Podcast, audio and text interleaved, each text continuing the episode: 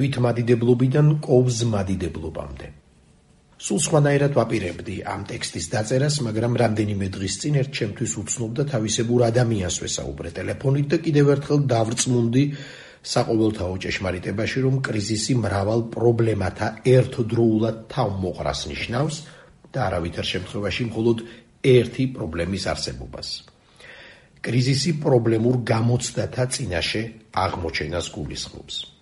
გამოცდა ტყუილად არ მიხსენებია, რადგან რაც ამ კაცმა მომიყვა, სწორედ იმ დილემას აღწევს, როცა ადამიანი მაინც და მაინც კრიზისის დროს აღმოჩნდება ხოლმე უმნიშვნელოვანესი არჩევანის წინაშე. ამ შემთხვევაში კი ეკლესიური ადამიანი, რომელმაც გადაწყვეტილება უნდა მიიღოს, მოძღვარს დაუჯეროს და ყბადაღებული, ყბის დამღები საერთო კობზით ეზიაროს თუ სოციალური და სამოქალაქო პასუხისმგებლობა გამოიჩინოს.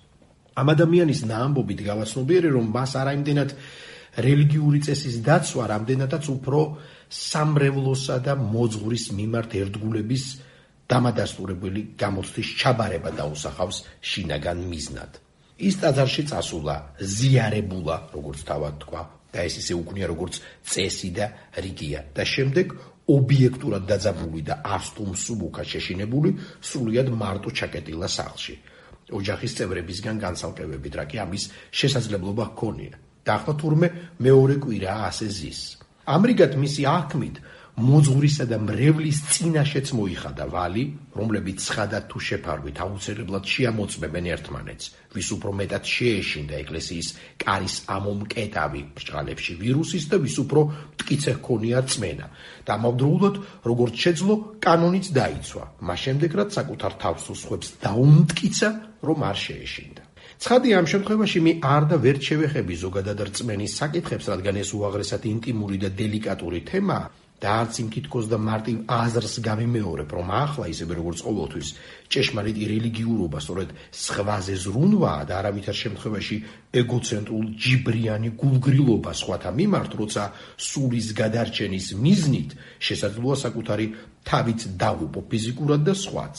მაგრამ აქ მნიშვნელოვანი სწორედ ეს უაზრო და გავბედავ თქვა ღრმად არაქრისტიანული გამოცდა, რომლის წინაშეც ეს ადამიანი აღმოჩნდა და ვისაც სინამდვილეში არავინ უფრთხილდება, ვინც განწირულია, რომ მარტო ბრმად შიში და დაბნეულობით დათკუნულმა გადადგას სარისკო ნაბიჯი. საპატრიარქო არათუ არ უფრთხილდება ადამიანს, არამედ პირიქით სცდის კიდეც მას.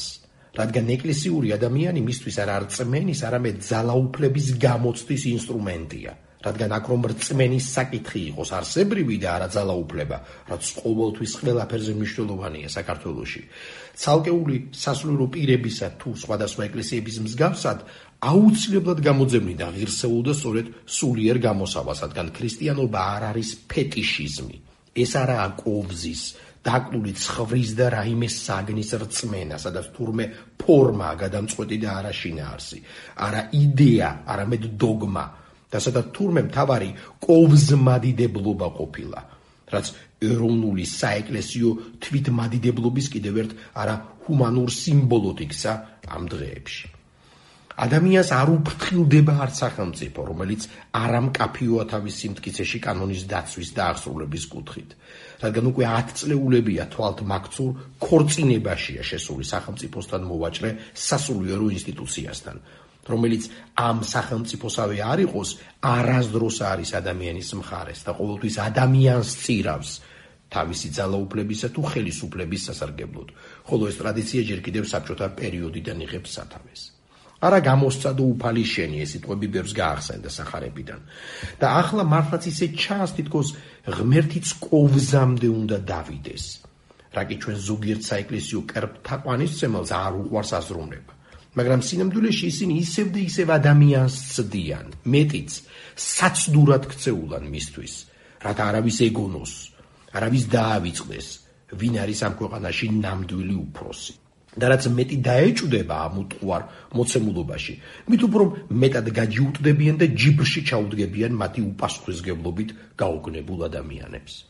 ოღონდ შემდეგ თუ კი კანონი არ იქნება დაცული და მართლაც რეალური საშიშროების პატრიარქის ცნობილი სიტყვებია გავრცელების ერთ-ერთ კერად იქცევა ეკლესია, ამასაც მრევლის წევრობასა და მოქალაქეობას შორის გაჭედილ საბრალო ადამიანს დააბრალებენ. ჩვენ ხომ არ ვაიძულეთ თავისი ფეხით მოვიდაო და ბოლოს ტრადიციულად ისევ ღმერთს მოიხმობენ თავარ პასუხისმგებლად.